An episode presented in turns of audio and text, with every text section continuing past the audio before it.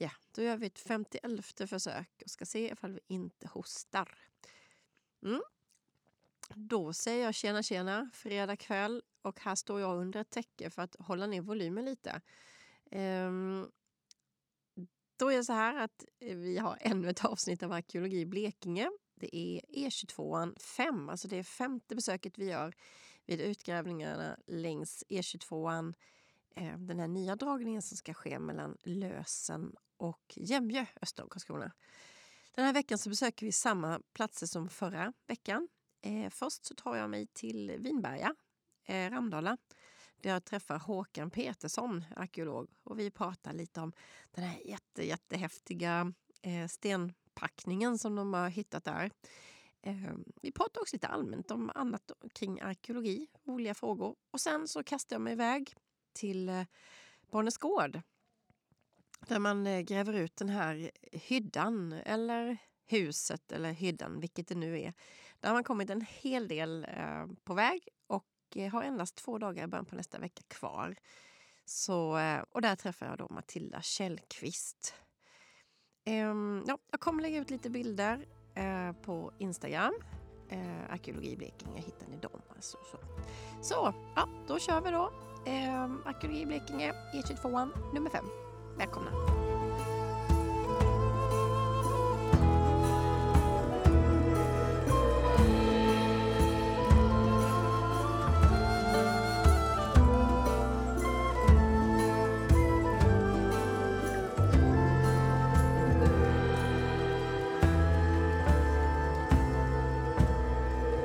Förlåt, jag har, jag har fått en liten hes. Jag har, Jag inte, detta. jag har inte corona, jag har bara sängkammarröst. Jag har druckit för mycket whisky. Ja, ja, det låter behjärtansvärt.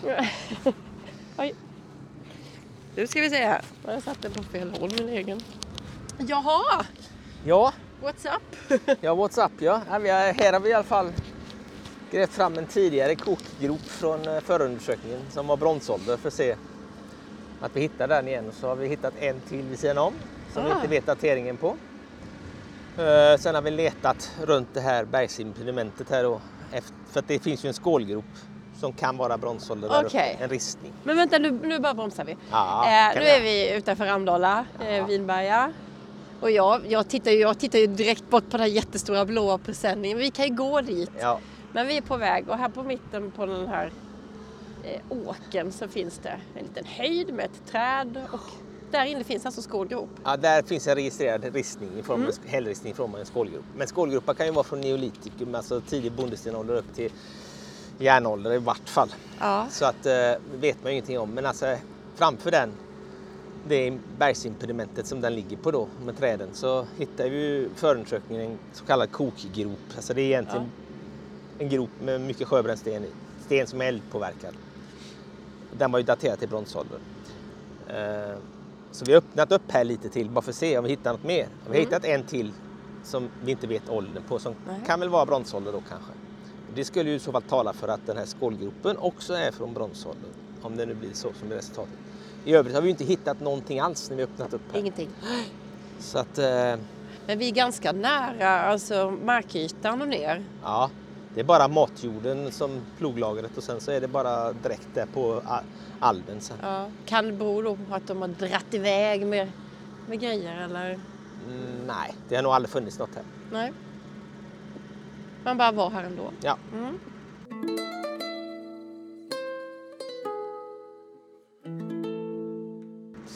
Men du, jag, jag, jag hörde det ryktas att den där undre stenlagret, nu var det 40 meter långt Ja, fick det, jag höra. det är plus 40 meter kan Och man då säga. har det, gått ytterligare några dygn.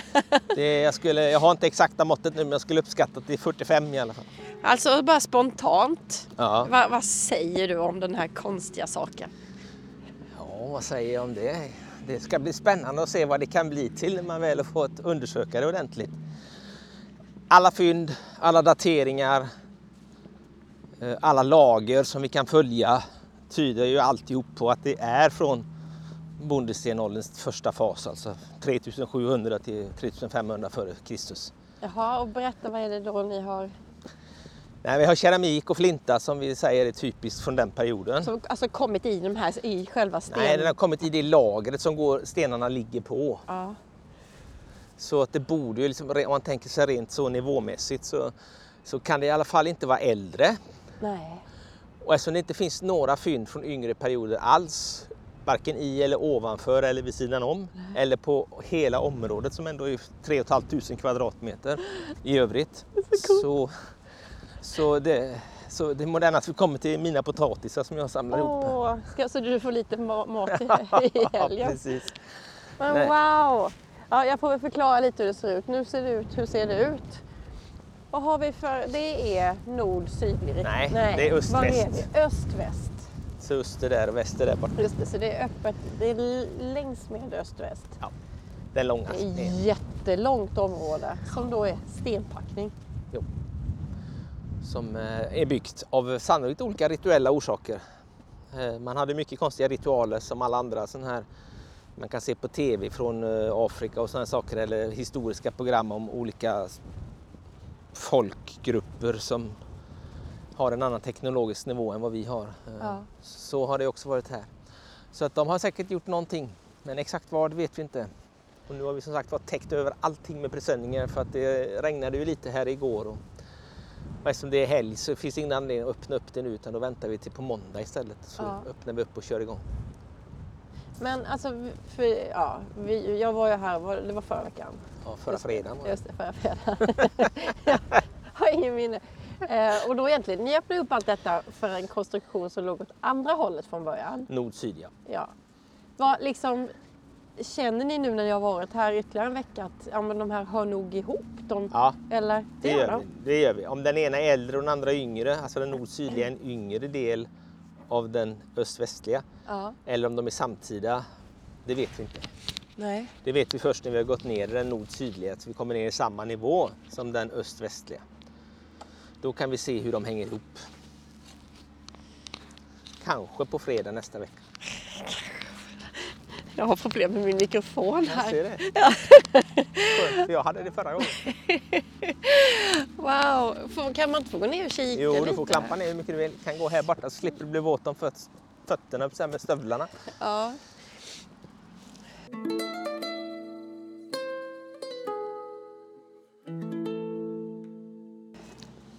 Men jag, jag var här i fredags och då, då hade ni öppnat upp den här övre och sen den andra lite och sen är ju är den ju jättemycket större nu. Ja, Ni har inte börjat lyfta på en massa stenar nu eller? det ska Nej. vi göra på måndag. Ja. Eller ja, vi kommer börja jobbet med det sen om vi lyfter på måndag, det vet jag inte. Men först handlar det om att... Nu har vi ju avslutningen på den i alla fall den västra ändan. Ja. Och mest sannolikt i den östra ändan också. Så att vi kan säga att den är omkring 45 meter. Jag har inte mätt den exakt. Gud. Och den är väl, eh, kan den vara, den är väl en eh, 12 meter bred eller 10 meter bred kanske. Ja. Ehm, Och vad vi gör nu är då att ta av presenningarna, rensar upp all stenen en gång till så att det blir fint och jämnt. För nivåer är viktigt inom arkeologin. Ehm, Sen fotodokumenterar vi alltihop uppifrån luften igen. Så vi har allting dokumenterat och inmätt.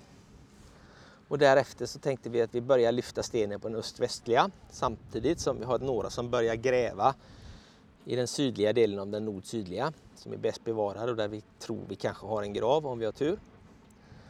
Ehm, och sen när de har lyft stenen så kommer man då titta igenom det som finns under och sen bland annat schakta med maskin så att man tittar om det finns några anläggningar eller någonting under. Det kan finnas allt ifrån gropar där man har deponerat saker och ting, alltså inte offrat nödvändigtvis men man har lagt ner medvetet. Mm. Eller det kan finnas också sektionsindelningar och det kan finnas andra saker under som vi inte känner till idag. Nej. Men du som är då en luttrad gammal arkeolog så, Mm. har du någonsin grävt ut någonting som liksom har Nej. liknat detta? Nej. Och det har ingen annan i Sverige heller gjort. Nej. Som sagt vi har ju de här närmsta parallellerna, de är ju från Polen som vi pratade om sist. Ja. Ehm, Men då är det ju egentligen den som är nord-sydlig som ser ut som en sån. Det här andra vet vi ju inte då varför det ligger på tvärs. Och, Mm. ehm, Samtidigt som jag sagt tidigare så är det väldigt få som är totalt undersökta av liknande i, i Polen och Nordtyskland. Så att, ehm, man vet ju egentligen inte exakt hur någonting ser ut. Så det kan ju vara den första.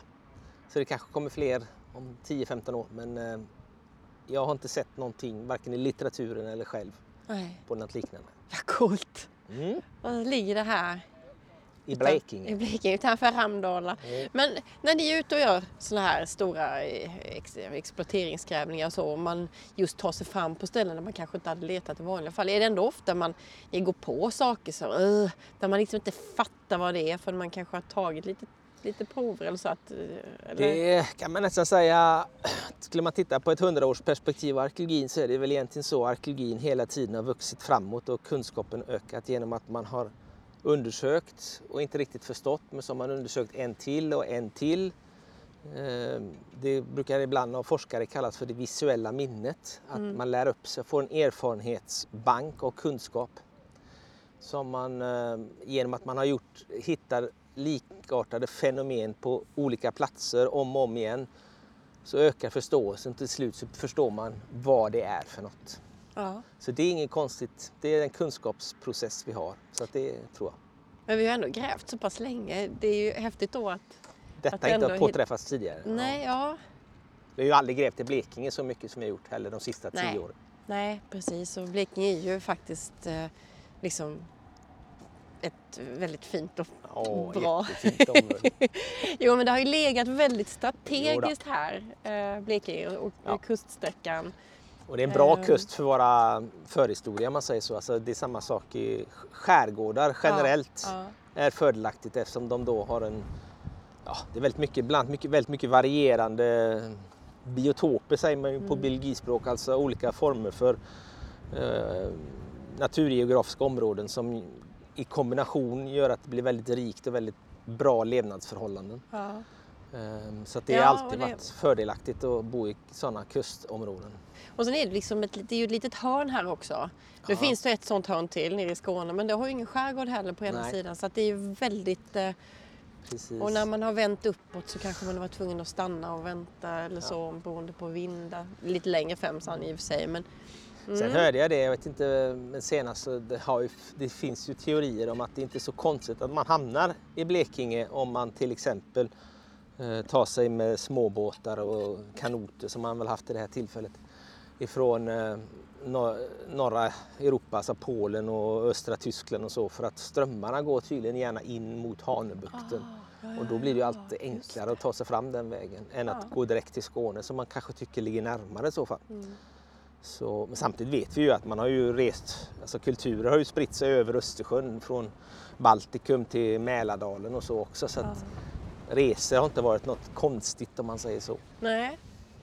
Nej, det är tvärt emot nu. Nu eh, passerar alla Ja. bara, eh, man åker från Stockholm till Malmö, ring, skär av den här hörnan och skiter i det. Precis.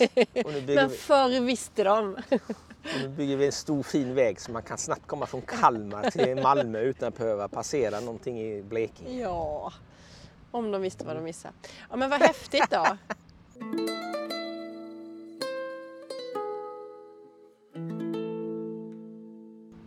Alltså jag skulle vilja gå ner där och bara se vad, Ja, vad är det ner. för folk som Kom. ligger här nere.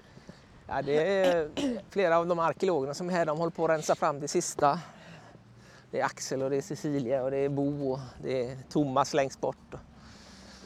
Thomas för övrigt är mästersenioren här på grävningen. Ja. Ja, han ska pensioneras efter den här grävningen, det är det sista han gör. Nej! Och då får han vara med om den här. Ja, han ville det själv faktiskt. Ja, förstår det. Men de ser att den slutar ju liksom här när vi går den östra ändan, den här långa den stenpackningen. smalnar av lite Ja. som ett, det är som Precis. jätteskepp. Ja, det kan man gott säga som en formen av ett skepp så Mm. kanske.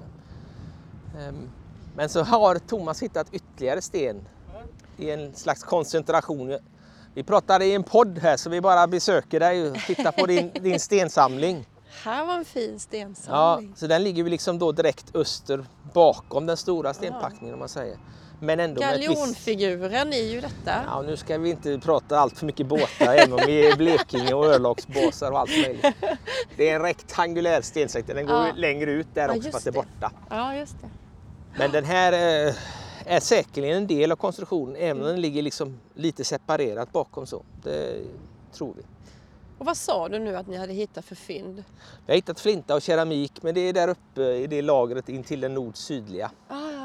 Alltså här sen har ni inte hittat något än så länge? Nej, inte någon direkt fyndmaterial. Så, nej. Och det är inte så konstigt, de är ofta fyndtomma. Det är ofta att man har sten, vatten, eld, de här elementen har ofta haft en symbolisk betydning i förhistorien och olika sätt. Och att man har byggt stora stenmonument utan att man har gjort någonting mer finns från hela världen egentligen. Men också andra delar av Sverige, till exempel i Bohuslän så har man något man kallar för stenklädda berg. Där det ser ut som ett jättestort stenröse. Men när man börjar plocka i det så finns det egentligen inga begravningar eller någonting.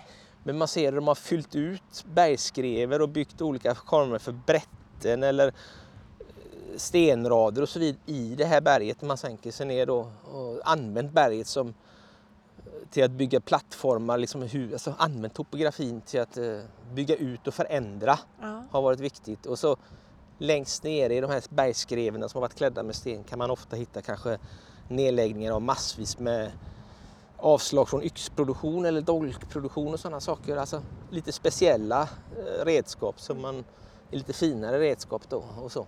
Så att de har gjort mycket konstigt för Ja. Inte Vilket- bara vi. Vilket häftigt yrke du har. Ja, tack. Det är jättecoolt. Jag är lite avundsjuk. Ja. Va? Du får gärna komma hit och gräva nästa vecka om du vill. Jo. ja, vad coolt. Gå bort och kika på de Ja. där. Hur länge är ni kvar här? ja, minst två veckor till. Ja, det, det lär ju behövas. Ja, det ska bli många nästa vecka också som tur är så då får vi väl lite fart på det.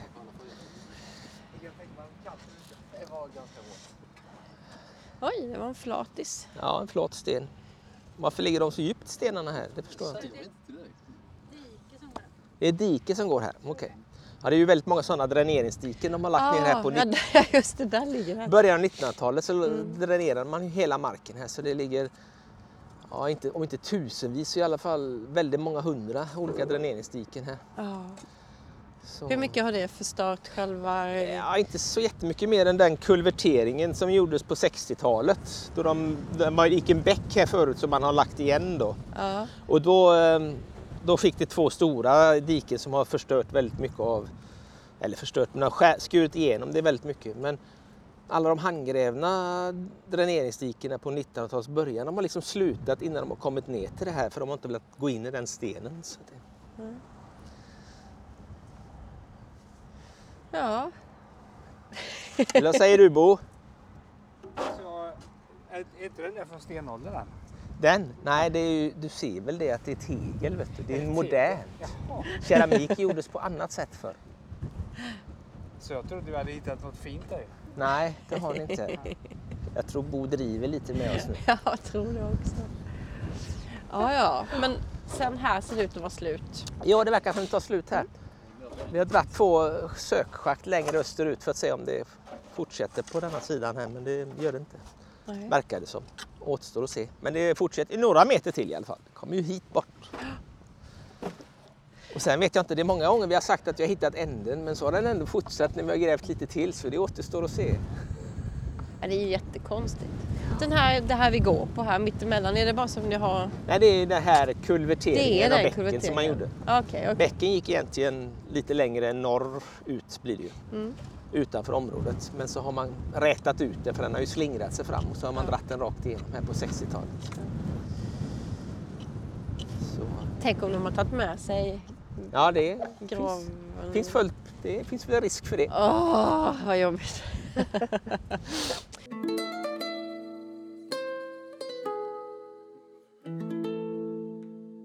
ja, ja, men så förutom den här jättestora häftiga saken där så är det skålgropen med tillhörande Kokgrop. kokgrop. Och i övrigt så är det... Ja, mitt på platsen här så gräver vi ju ett avsatt lager massvis med keramik och flinta. Ja, Och det är väldigt spännande material som har kommit där också. Alltså väldigt mycket bra dekorerad keramik. Alltså, de gjorde ju olika mönster på ja sin keramik. man, om man vill titta på det då får man det? Har Ja, det det kan man få, men det ligger inne i boden. Då får vi gå tillbaka Jaha. dit. Okej. Men all den dekoren, för det har vi ju vet vi ju lite kronologiskt hur dekoren utvecklar sig. Ja. Och all dekoren tyder också på rätt period. Det är inte absolut tidigaste delen av bondestenåldern som är 4000 f.Kr. Och det är heller inte senare tider utan det är precis den fasen som vi är här, 3, 7, 3 och 5. All dekoren stämmer perfekt in. Så att, Vad häftigt. ja. Alltså att kunna, lä- och kunna läsa det på det viset så. Mm. Så um, allt ser positivt ut än så länge. Ja, nej, men då ska jag väl eh, inte störa er mer så ni får avrunda. Ni, ska, ju ni slutar ju tidigt nu har jag förstått. Ja, vi jobbar ju in. Eh, Alla kommer ju från alla möjliga ställen. Det är Ja, folk från Blekinge och det är folk som jag själv som kommer från Göteborgstrakten och så finns det folk från Skåne och Kalmar och Växjö. Och... Men då, jag kan bara, som arkeolog nu, då kommer du hit Mm. och så är du här och jobbar. Är du med på fortsättningen sen eller Ja, är det bara det här och sen så sköter de... nej, nej, utan det rapportering och analys och sånt, det gör jag också. Mm. Så att det, nej då. Och sen så jobbar jag ju i sig för Sydsvensk arkeologi som är Kristianstad då. Så att, Ja. eh, även om jag bor i Göteborg, men man reser ju hem och så. här. Vi pendlar väldigt mycket arkeologer. Så. Ja, jag förstår det. Men när den här grävningen är slut, vad, vad, händer, i- alltså, vad händer i projektet vidare då? Ja, då har ju alla, den här är ju den sista, så då har ju alla undersökningarna på den här delsträckan från eh, Jämjö till Lösen då, förbi här i Ramdala, eh, avslutats. Mm. Då kommer de olika ansvariga grupperna för de olika grävningarna sätta sig ner och börja bearbeta materialet. Man skickar in prover för analyser, det kan vara s- kol-14-dateringar, det kan vara alla möjliga konstiga analyser vi håller Ja. på med. Så får man resultaten tillbaka och så skriver man ju då rapporter för detta så att det rapporteras och arkiveras och dokumenteras och framtida arkeologer och forskare kan ta del av materialet. Och efter det så skriver man ju olika fördjupningsartiklar, vetenskapliga artiklar om materialets dess nya kunskapsvärde och sådär och det Mm. kommer oftast också olika former för eh, publika satsningar där alltså Ja, att man gör förmedling Men, av resultaten. Men när får man veta vad detta är då? När får vi veta? Ja, har du tur så kan du få veta någonting när vi slutar här i fält. Annars så eh, får man ju se vad resultaten ger när man analyserat alla data och alla prover och alla analyser man får in och sådana saker.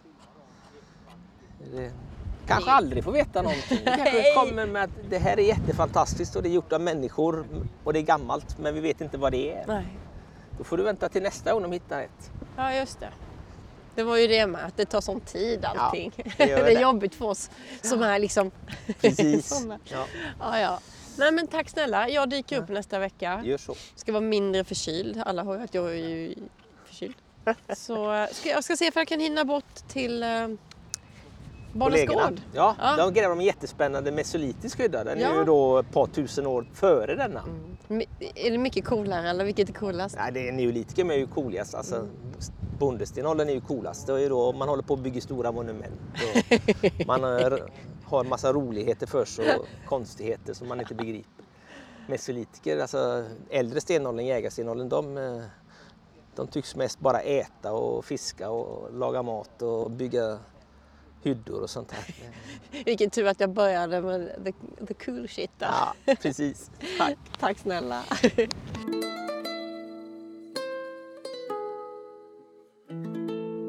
Men wow, förra veckan var jag här och då regnade det och ni gick inte hit för det gick inte att gå på den då. Nej, nej, och igår kväll eller igår eftermiddag regnade det igen och vi fick liksom bara backa undan. Det gick inte, det bara forsade siltiga massor över det här. Men det, det rann undan snabbt. Man kan tänka sig att, att den här hyddan har ändå varit hyggligt torr fastän man är nära en våtmark så, så har det nog varit Kan vi inte väldigt bara, beboeligt. kan vi inte bara Ja. placera oss lite?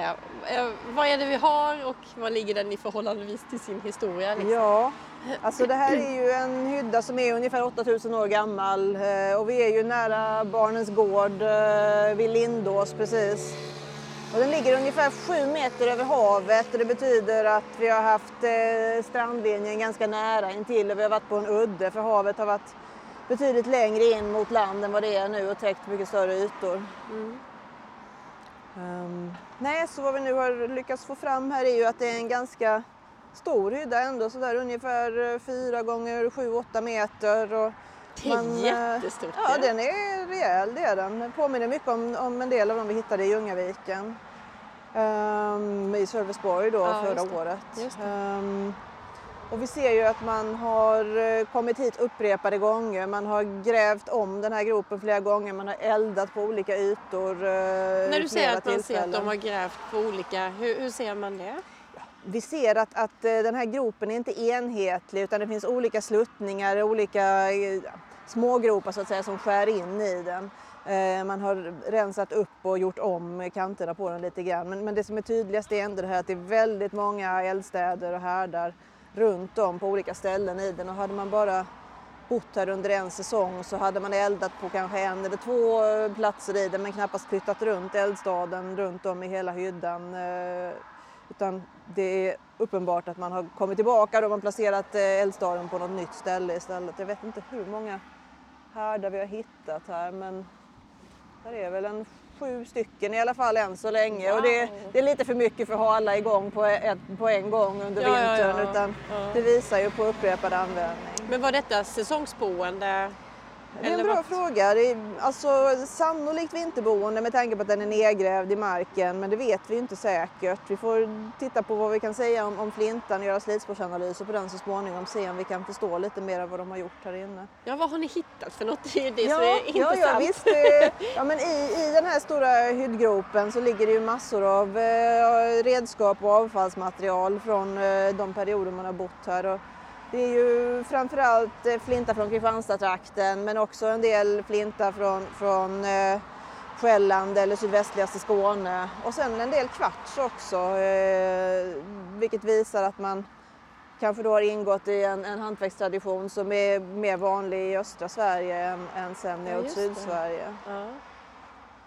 Hur har man märkt det eller sett att det finns mer av kvarts? Liksom? Ja precis, jo, men det har man ju, i Skåne hittar vi ganska sällan bearbetad kvarts från den här perioden utan då nöjer man sig med flinta för det är det som är enklast att få tag i och det finns gott om det och det är också ett, ett kanske något eh, mer användbart råmaterial generellt. Men eh, här är det ju inte lika enkelt att få tag i, i flintan och kvartsen har sina fördelar också så då har man använt den som ett, ett komplement eh, till flintan. Vad säger när du säger att den har sina fördelar? För, för mig är den, ja, det är den här vita fina stenen kan Ja, man säga, som ja, ser ut som en, Ja. som man lekte med diamant när man var liten. Men vad, vad, är det, vad kan man göra med den kanske som... Ja, men den får en annan typ av skärpa. Den kanske inte håller lika länge alltid. Man får, får byta ut redskapen ofta men det är en, en speciell skärpa som kan vara fördel när du håller på med ja, kanske slakt. Man vet väl inte säkert men, men beroende på, på vad du arbetar i för material så kan den vara vassare fast mer utslitbar då samtidigt. Åh, vad spännande. Mm. Men du, den här slags hyddan, hur vanlig är den nu? Vi får ta en repetition på det här i Blekinge. Ja, nej, vi hittade ju ett 50-tal sådana här i Ljungaviken i Sölvesborg. Just det, villaområdet där. Ja, precis. Och sen så har man ju också hittat i, lite and, i närheten av Ljungaviken har man hittat flera, bland annat på Lussabacken norr. Också E22-projektet då fast för, för tio år sedan. Eh, Så, men annars är det ju ovanligt med hyddor från den här tidsperioden och framför allt att de är välbevarade på det här sättet. Oftast så finns det bara några små fläckar kvar i marken av, av stålpål och härdar. Här har vi ju en, en rejäl nedgrävning och massa fyndmaterial. Så det, vi kan få reda på väldigt mycket om, om eh, hur man byggde sina hus och det är jättespännande.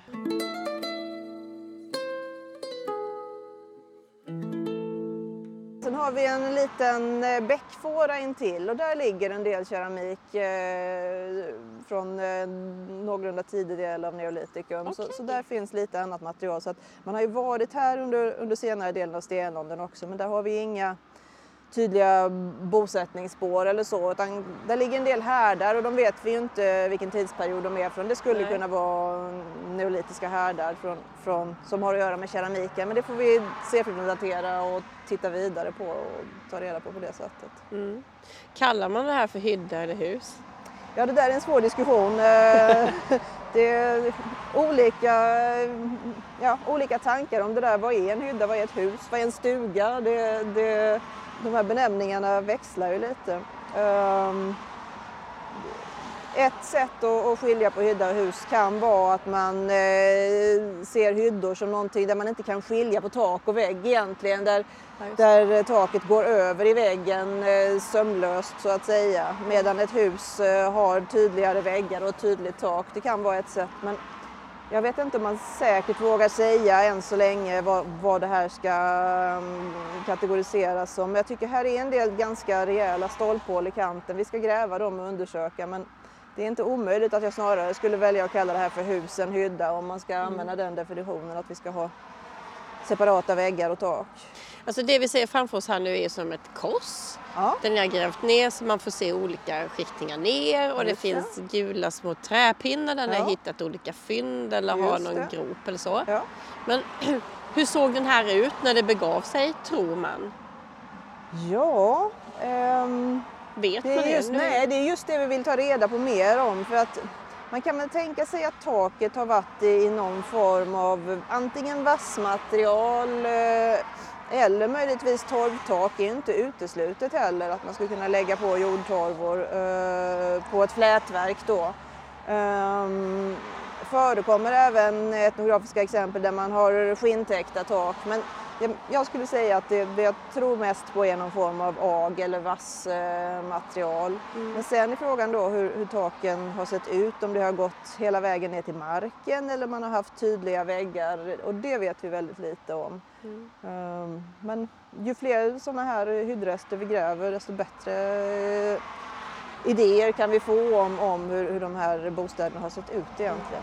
Men den här är väldigt unik här i östra Blekinge ja, i alla fall. Ja, vi har ja. inte grävt så här eh, rejäla välbevarade hyddor här borta tidigare. Så Nej. det är väldigt roligt på det sättet.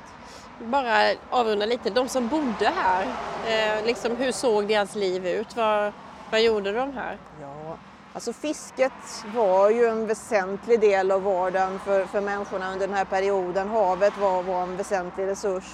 Ehm, så fiske tror jag man har ägnat sig åt eh, när man bor på den här platsen. Sen vågar vi ju inte säga om det är året om eller om det är vinter eller sommar för det, det beror ju lite på vilken årstid eh, det är, mm, vad som är den viktigaste delen i försörjningen.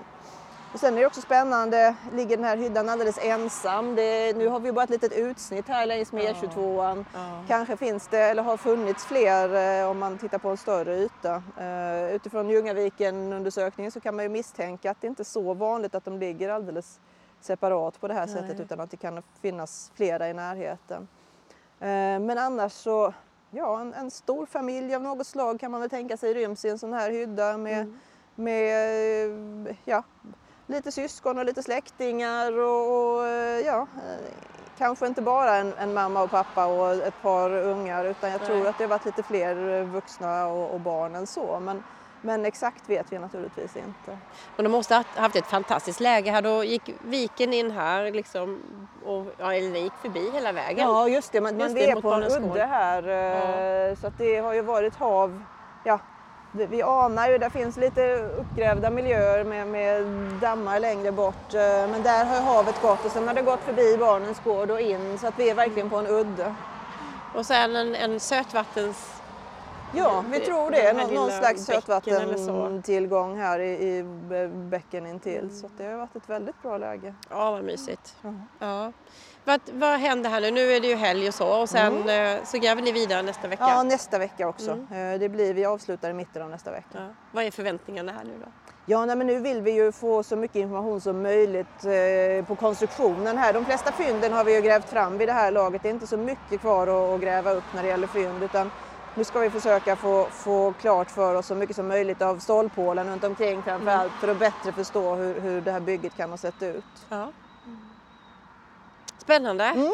Jag kommer tillbaka nästa fredag och klampar in. Alla, ja. jag, man ser alla ska hem och så kommer ja. jag hej hej! Ja, ja, och så kommer man lite tidigare. Passa på att göra. Men vi är ju inte här nästa fredag, då är Nej. vi klara. Så, ja, då är ni klara? Ja, vi, Vilken dag är det då? Tisdag är sista dagen nästa vecka. Så, ja, men du, då kanske jag kommer hit redan på tisdag och gör ett litet, eh, ett litet extra istället. Ja. Mm.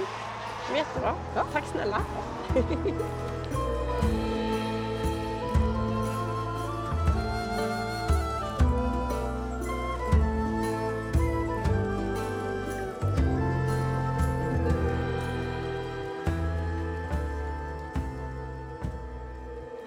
innan du stänger av så skulle jag bara vilja säga att det här avsnittet är gjort i samarbete med Blekinge museum. Utan deras medverkan så hade det här avsnittet aldrig gått att eh, producera eller genomföras faktiskt. Så jag är väldigt tacksam för att de är med eh, på det här. Eh, jag skulle också vilja säga att jag kommer lägga ut bilder på, på Instagram och på Facebook. Eh, det är lite, lite sämre bilder den här veckan. Eh, min förkylning tog över hjärnan och jag, liksom, jag fick inte riktigt till det. Men nästa vecka ska vi se ifall det är så att jag faktiskt kan få komma in i den där borden. Eh, Vinberga Ramdala där borta för, och få se eh, keramiken som de har hittat i den där sten, stenpackningen. Eh, och så lovar jag att lägga ut alla bilder. Likadant på tisdag så ska jag ta mig ut till Barnens Gård och den här hyddan och eh, Ehm, um, göra ett litet extra program uh, bara avslutningsvis. Väldigt kort och enkelt. Så um, ja, följ oss på Instagram och på Facebook och uh, välkommen uh, att lyssna. Och tack för att du har lyssnat på det här avsnittet.